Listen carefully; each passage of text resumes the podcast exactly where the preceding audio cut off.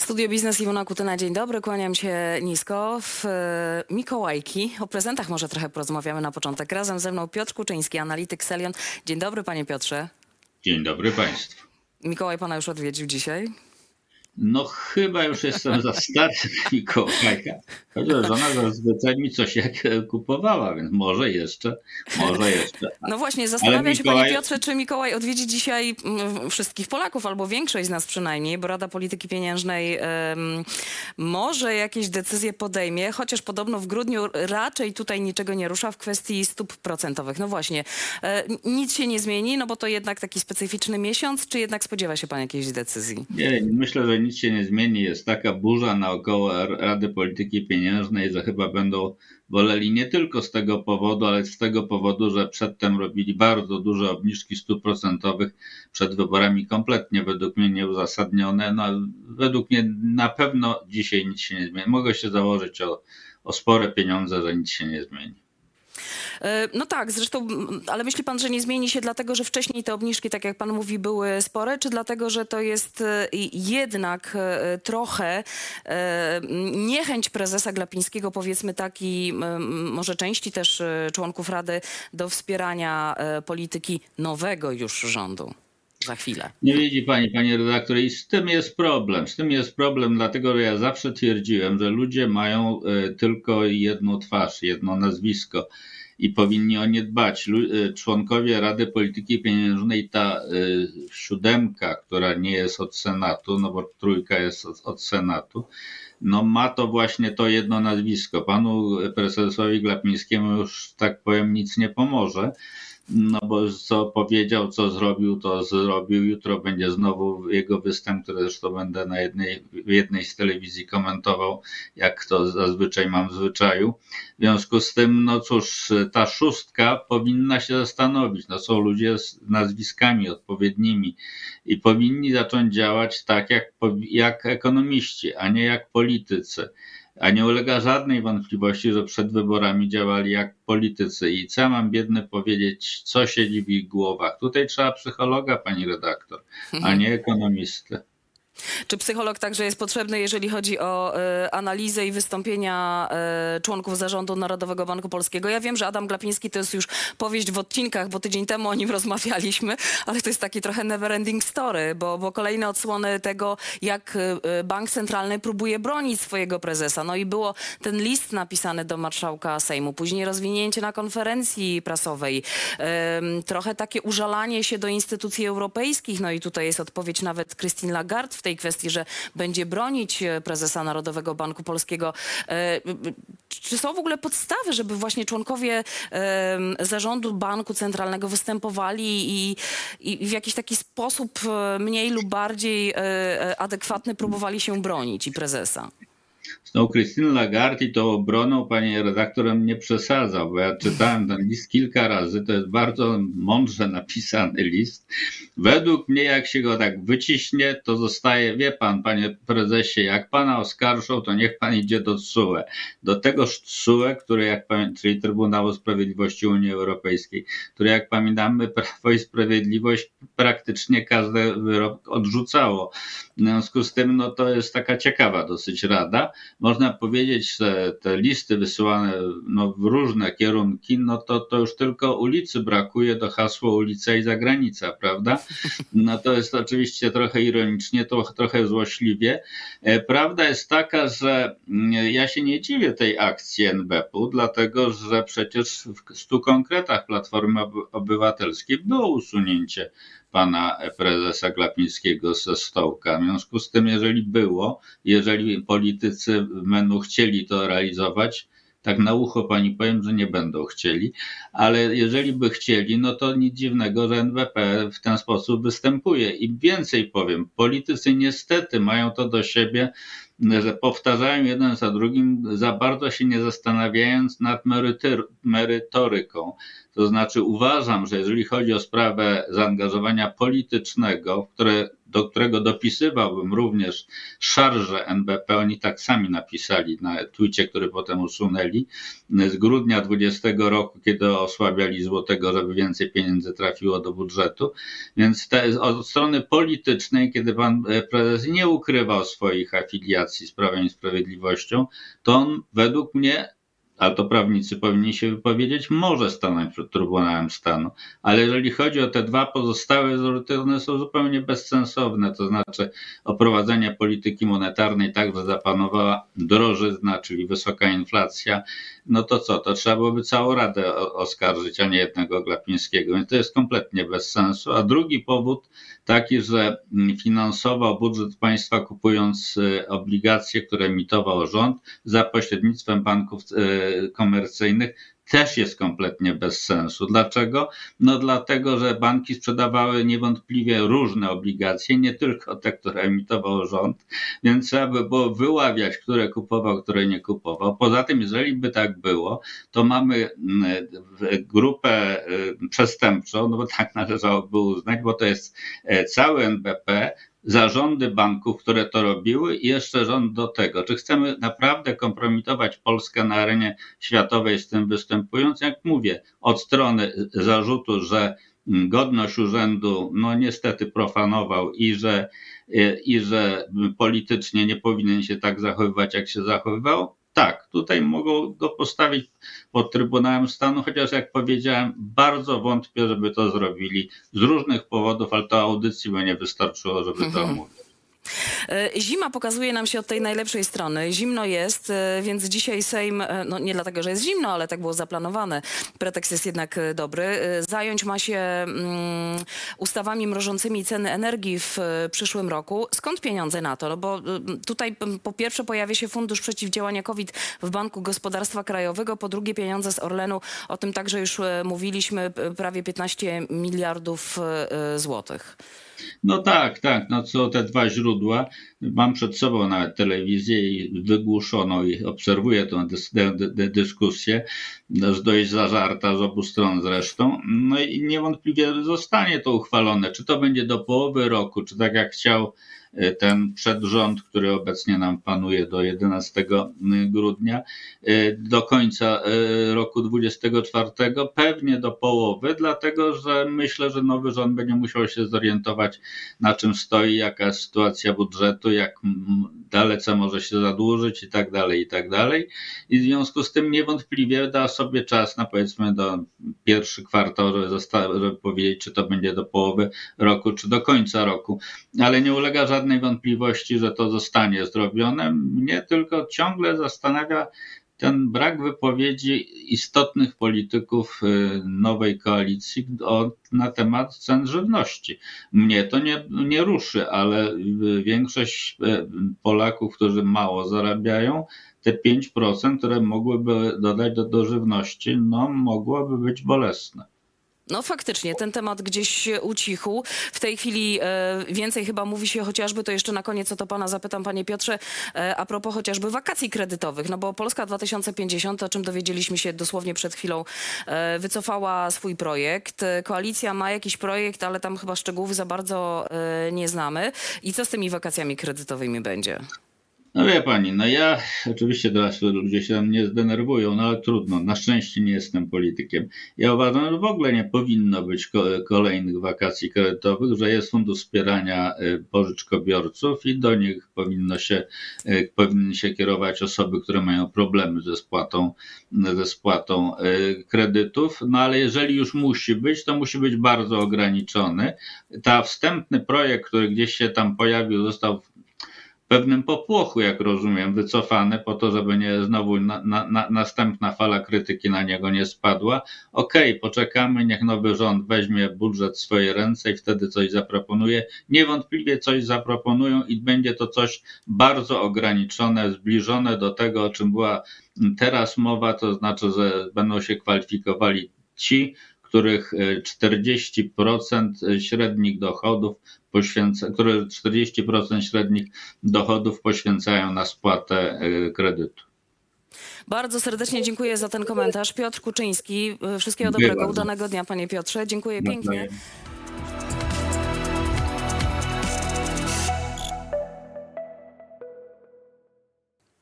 No i porozmawiamy sobie o tej sprzedaży online e, i o sprzedaży i o kupowaniu z perspektywy klientów z moimi gośćmi. E, Patrycja Sastaniszewska, prezes Zarządu Gospodarki Elektronicznej online. Dzień dobry pani Patrycjo, witam serdecznie. Witam serdecznie. A w studiu dr Michał Pienias, opiekun specjalności e-commerce, digital marketing, Wydział Ekonomii Zarządzania, Uczelnia Łazarskiego. Dzień dobry panie doktorze, Dzień witam dobry serdecznie. pani redaktor, dzień dobry państwu. E, Takim pretekstem troszeczkę do spotkania, do porozmawiania o e-commerce e, są dni darmowej dostawy, no bo święta się zbliżają, dużo zakupów, prezentów zamawiamy, e, więc e, warto się też nad tym pochylić i sprawdzić, gdzie takie, taka darmowa dostawa jest i w jakich dniach, bo to w zależności od, od firm jest e, różnie, ale główny motyw naszego spotkania, czy e-commerce zniszczy, łamane przez zastąpi tradycyjny handel. Nie da się ukryć, że e-commerce rozwija się bardzo prężnie. Ja z perspektywy klienta mam wrażenie, że od czasów pandemii to wręcz wybuchło, no bo zostaliśmy ograniczeni, zamknięci w domach, więc wszystkie zakupy zaczęliśmy robić e, online. E, to może pozwolę sobie od pana doktora zacząć. Według pana, no właśnie, to, to, to jest no, przyszłość na pewno, ale czy to już się dzieje na tyle, na dużą skalę, że ten tradycyjny handel wcześniej czy później odejdzie do lamusa?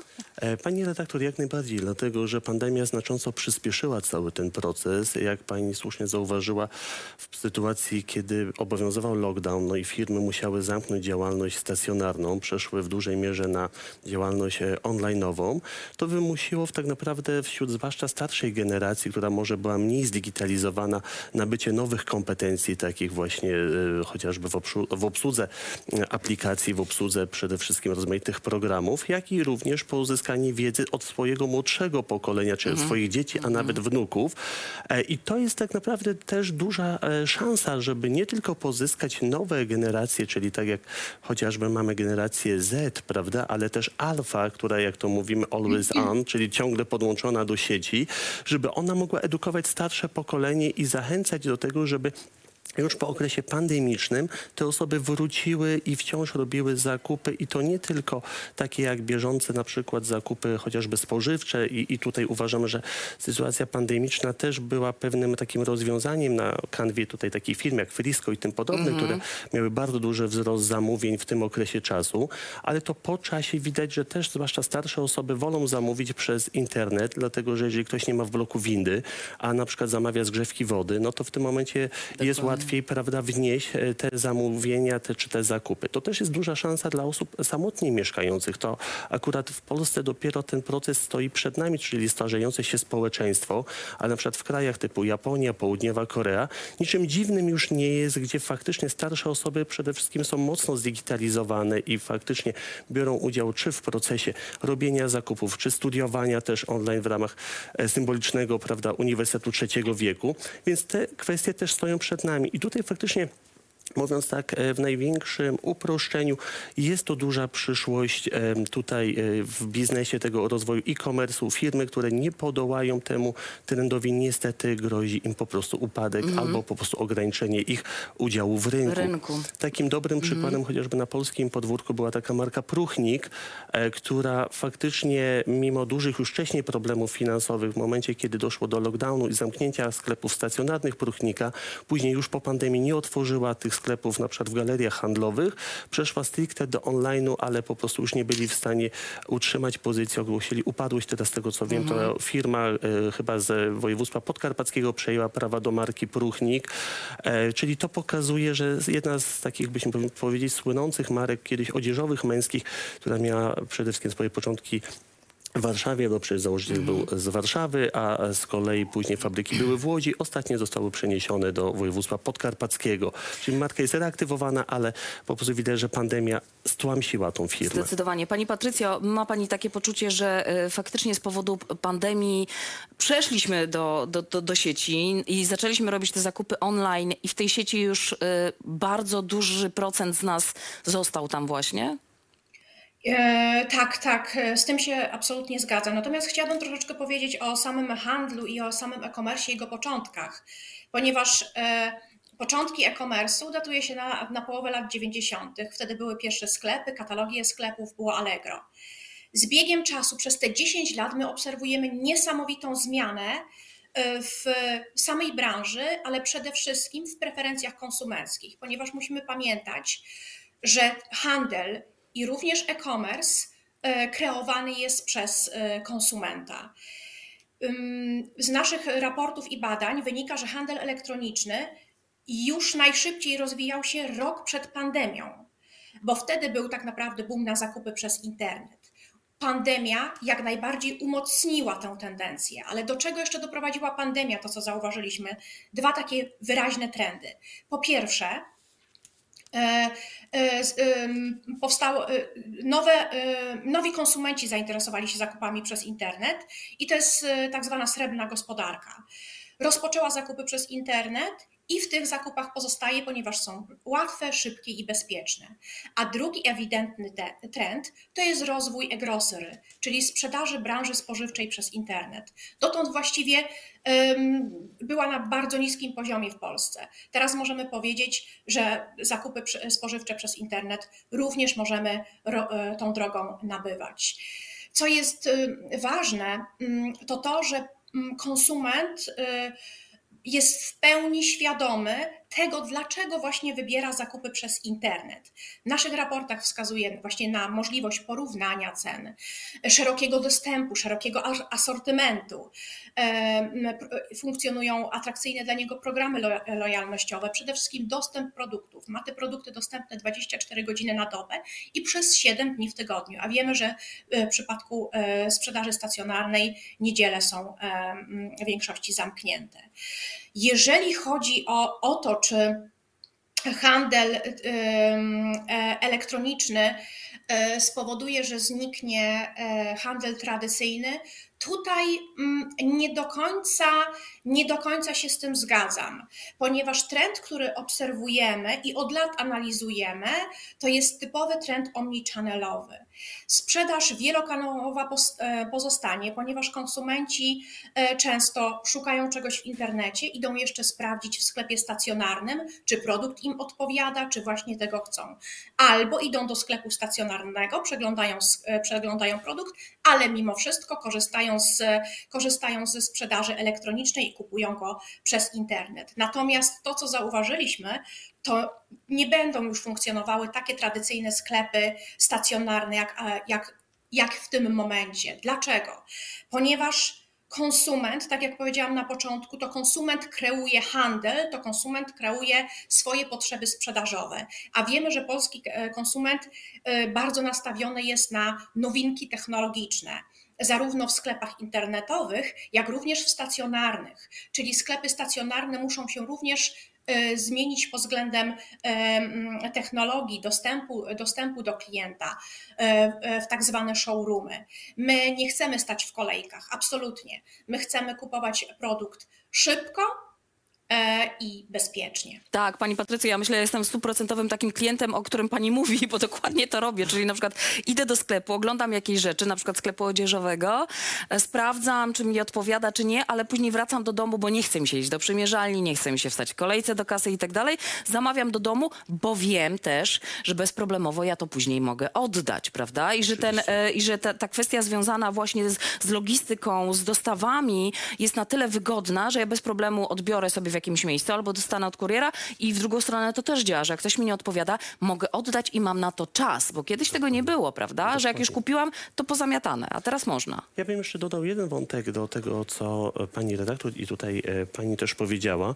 To znaczy przede wszystkim e, niższa cena w sklepach internetowych. Dokładnie. Czyli to powoduje, że na przykład konsument, załóżmy w przypadku elektroniki albo sk- e, chociażby odzieży, jest w stanie zapoznać się z produktem namacalnie w sklepie stacjonarnym, a następnie, kiedy produkt będzie mu odpowiadał, jest w stanie wrócić do domu, złożyć zamówienie i wtedy albo otrzymać do paczkomatu, albo właśnie do, na adres wskazany, bądź po prostu jeszcze raz może się pojawić w punkcie stacjonarnym z możliwością odbioru. Czasami tutaj firmy też robią, zwłaszcza w przypadku sklepów odzieżowych, takie dają rozwiązanie, że na przykład można zamówić przez internet, odebrać w punkcie na przykład stacjonarnym i na miejscu przymierzyć, ale jeśli na przykład rozmiarówka nie odpowiada, no to niestety nie ma na miejscu zwrotu pieniędzy. Czyli trzeba w tym momencie zwrócić ten towar. Dopiero jak wróci do magazynu, zostanie on z- rozliczony, zaksięgowany, Tak jest. dopiero wtedy środki wracają. Więc tutaj część konsumentów, żeby nie narażać się na taki dysonans, woli w tym momencie, prawda, iść do sklepu, przymierzyć ten produkt, wróci do domu albo w- w drodze do domu zamówi sobie w ramach apki czy, prawda, w, e, na stronie internetowej. I tym momencie nie generuje to mu dodatkowych kosztów z tytułu ryzyka na przykład Tak poniesionego. To jest jakby jedna kwestia, a w przypadku elektroniki to jest też e, takie dobre rozwiązanie, że na przykład osoba, która jest w stanie wydać na przykład określoną sumę pieniędzy, będzie wolała i sprawdzić na przykład ten produkt, poczeka na przykład na Black Friday albo inny okres wyprzedażowy i ten produkt już sobie mówiąc brzydko zabukuje. Często sobie przecież klienci wrzucają na przykład e, albo do koszyka przez pewien Albo do okres cza- ulubionych. albo do ulubionych Tak, i tak, tak. Obserwują, ale na przykład nieraz wrzucają po to do koszyka, że czekają, że na przykład dostaną rabat. Tak jak w przypadku jest załóżmy e-obuwia, gdzie klient wyrzuca, jeżeli nie przejdzie do formy płatności, tylko odczeka ten produkt w koszyku, dostaje powiadomienie, twój produkt na ciebie czeka, tak, y, przejdź do kolejnego etapu, dostaniesz rabat minus 5%. Czyli to też jest taki element, z jednej strony z perspektywy firmy wymuszenia na kliencie decyzji zakupowej, żeby nie blokować tego zamówienia, bo może ktoś inny byłby zainteresowany, ale jednocześnie niektórzy klienci też liczą, że dzięki temu zyskają jeszcze dodatkowy rabat poza tym, który już mogli wykorzystać. I myślę, że bardzo ważna rzecz, o której e, pani Patrycja wspomniała, czyli e, właśnie fakt, że przez 24 na dobę, e, 7 dni w tygodniu te zakupy online możemy robić. Zwłaszcza biorąc pod uwagę, że niedzielę, ha- e, nie- no, nie ma w zasadzie niedziel handlowych. Jest kilka wyjątków na teraz 10 i 17, ale ma to związek ze świętami Bożego Narodzenia. Oczywiście jakieś propozycje, żeby te niedziele przywrócić do handlu gdzieś tam się pojawiają, ale myślę, że na ten moment jest to e, mało realne. A jak, nie wiem, w niedzielę o 20 przyjdzie mi do głowy, że mam ochotę coś kupić czy zrobić zakupy, bo brakuje mi czegoś w kuchni, no to nie ma problemu, prawda? I to jest genialne. Oczywiście tutaj trzeba też uwzględnić chociażby te sklepy samoobsługowe, jak typu Żabka Nano, prawda? Czy w tym kierunku też nie będą szły inne sieci na przykład, bo tutaj Biedronka czy Lidl otworzyły się na przykład na e, chociażby e, sklepy typowo e-commerce'owe. Natomiast pytanie, czy nie będą chciały też powiększyć swojego asortymentu, nie tylko o na przykład produkty odzieżowe, techno, e, znaczy te, tutaj jakieś, prawda, sprzęty elektroniczne, ale również na przykład możliwość robienia zakupów typowo spożywczych, tak? To jest poszerzenie oferty.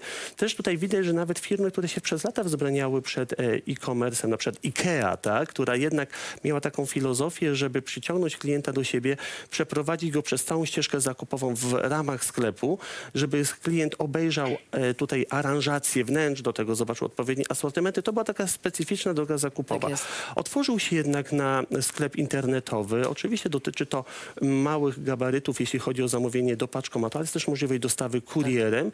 Czyli widać, że też oni idą z duchem czasu i to jest proces, który będzie dotykał bardzo wielu e, branż, czy to będzie branża odzieżowa, spożywcza, chemiczna, czy też właśnie między innymi przemysł meblarski. Mhm. No ale tak jak pan powiedział, no, jeżeli ktoś nie pójdzie z duchem czasu i nie przeniesie sprzedaży do sieci, to tak naprawdę na chyba 99,9% możemy powiedzieć, że upadnie. Pani Patrycjo, ym, Kolejna rzecz, myślę, taka istotna, której oczekujemy i którą daje nam kupowanie w sieci, to jest to, że my znajdziemy poszerzone informacje o produktach. No bo, że znajdziemy skład i tak dalej, no to wiadomo, ale tam się pojawiają też opinie innych. No bo jednak jak pójdę do stacjonarnego, to nie będę pytała osoby, która stoi obok, czy kupiła ten produkt i czy jej odpowiada. A jednak te komentarze i zostawianie swoich uwag i opinii, to jest bardzo, przynajmniej ja też daję się na to, nie wiem, czy nabrać, czy czytam te komentarze i też gdzieś się nimi jednak sugeruję.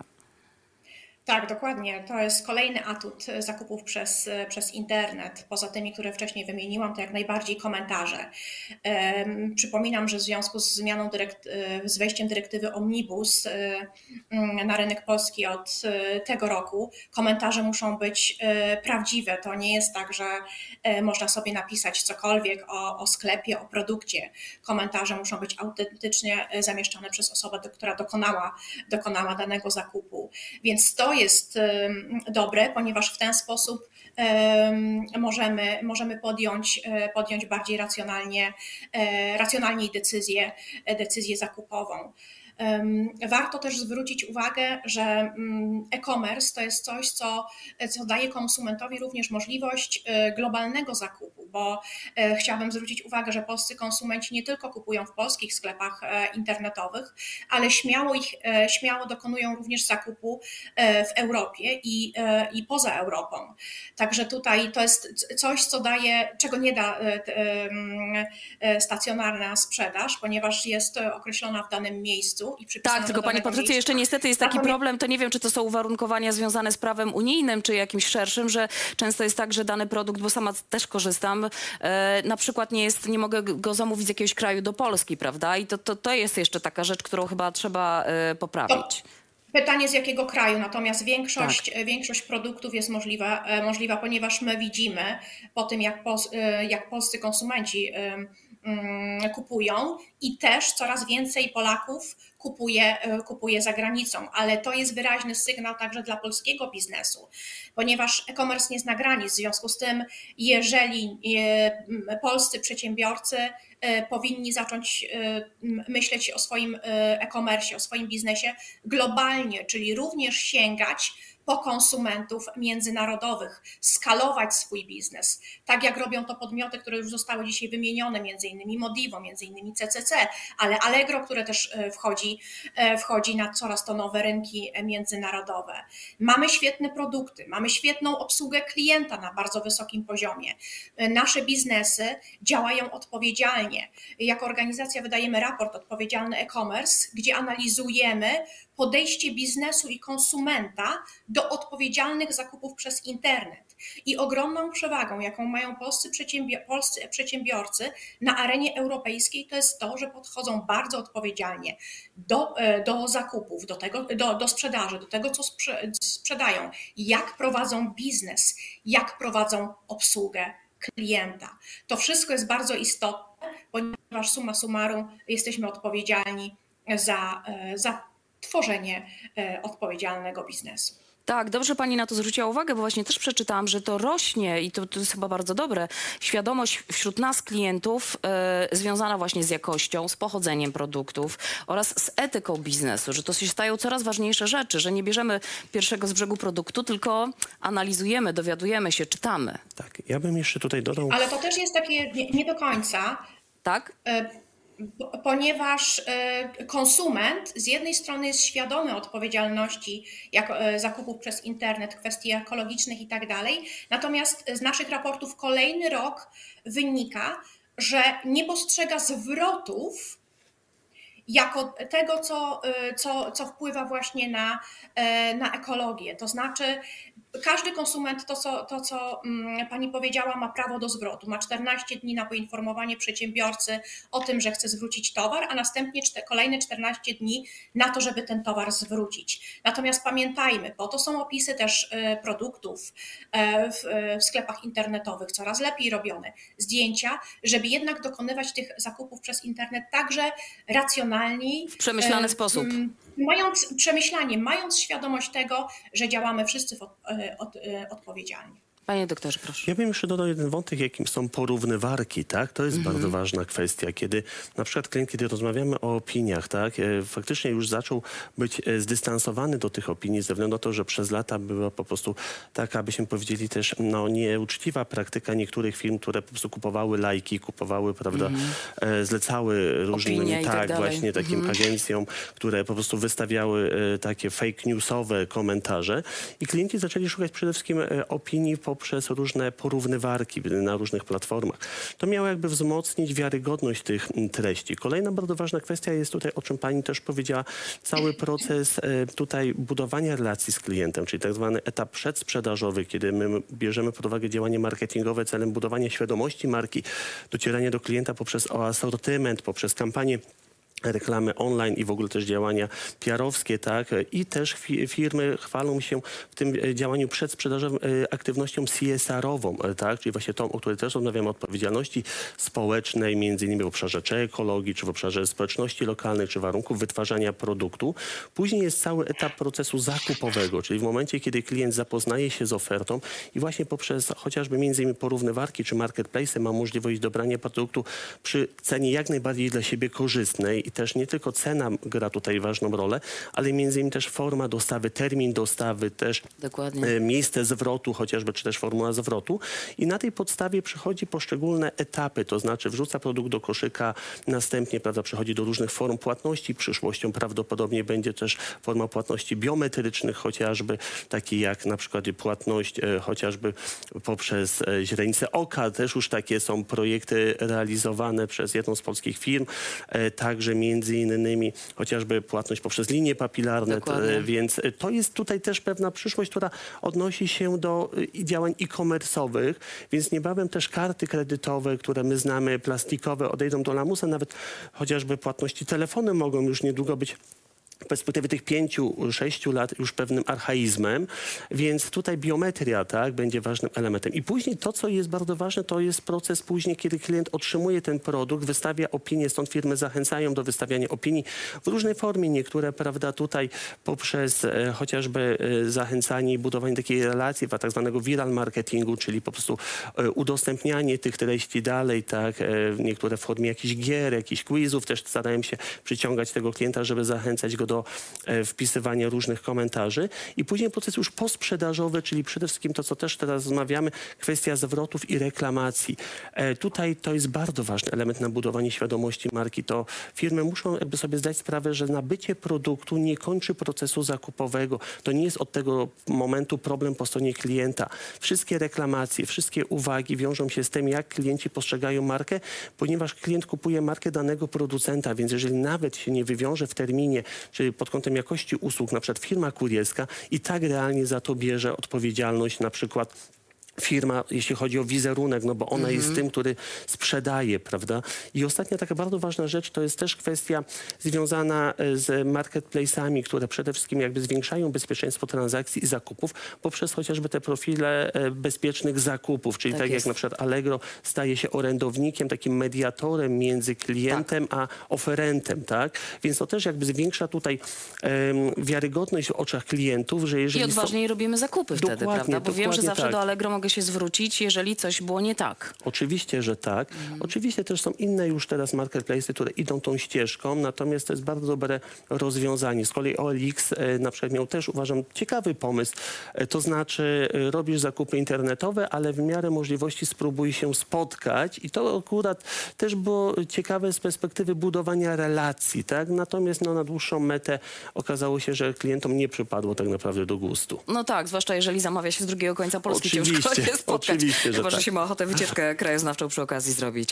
E, Drodzy Państwo, bardzo serdecznie dziękuję za to e, spotkanie. Udanych zakupów wszystkim życzymy, no bo teraz okres bardzo gorący. W końcu dzisiaj Mikołaj, Boże Narodzenie e, lada moment.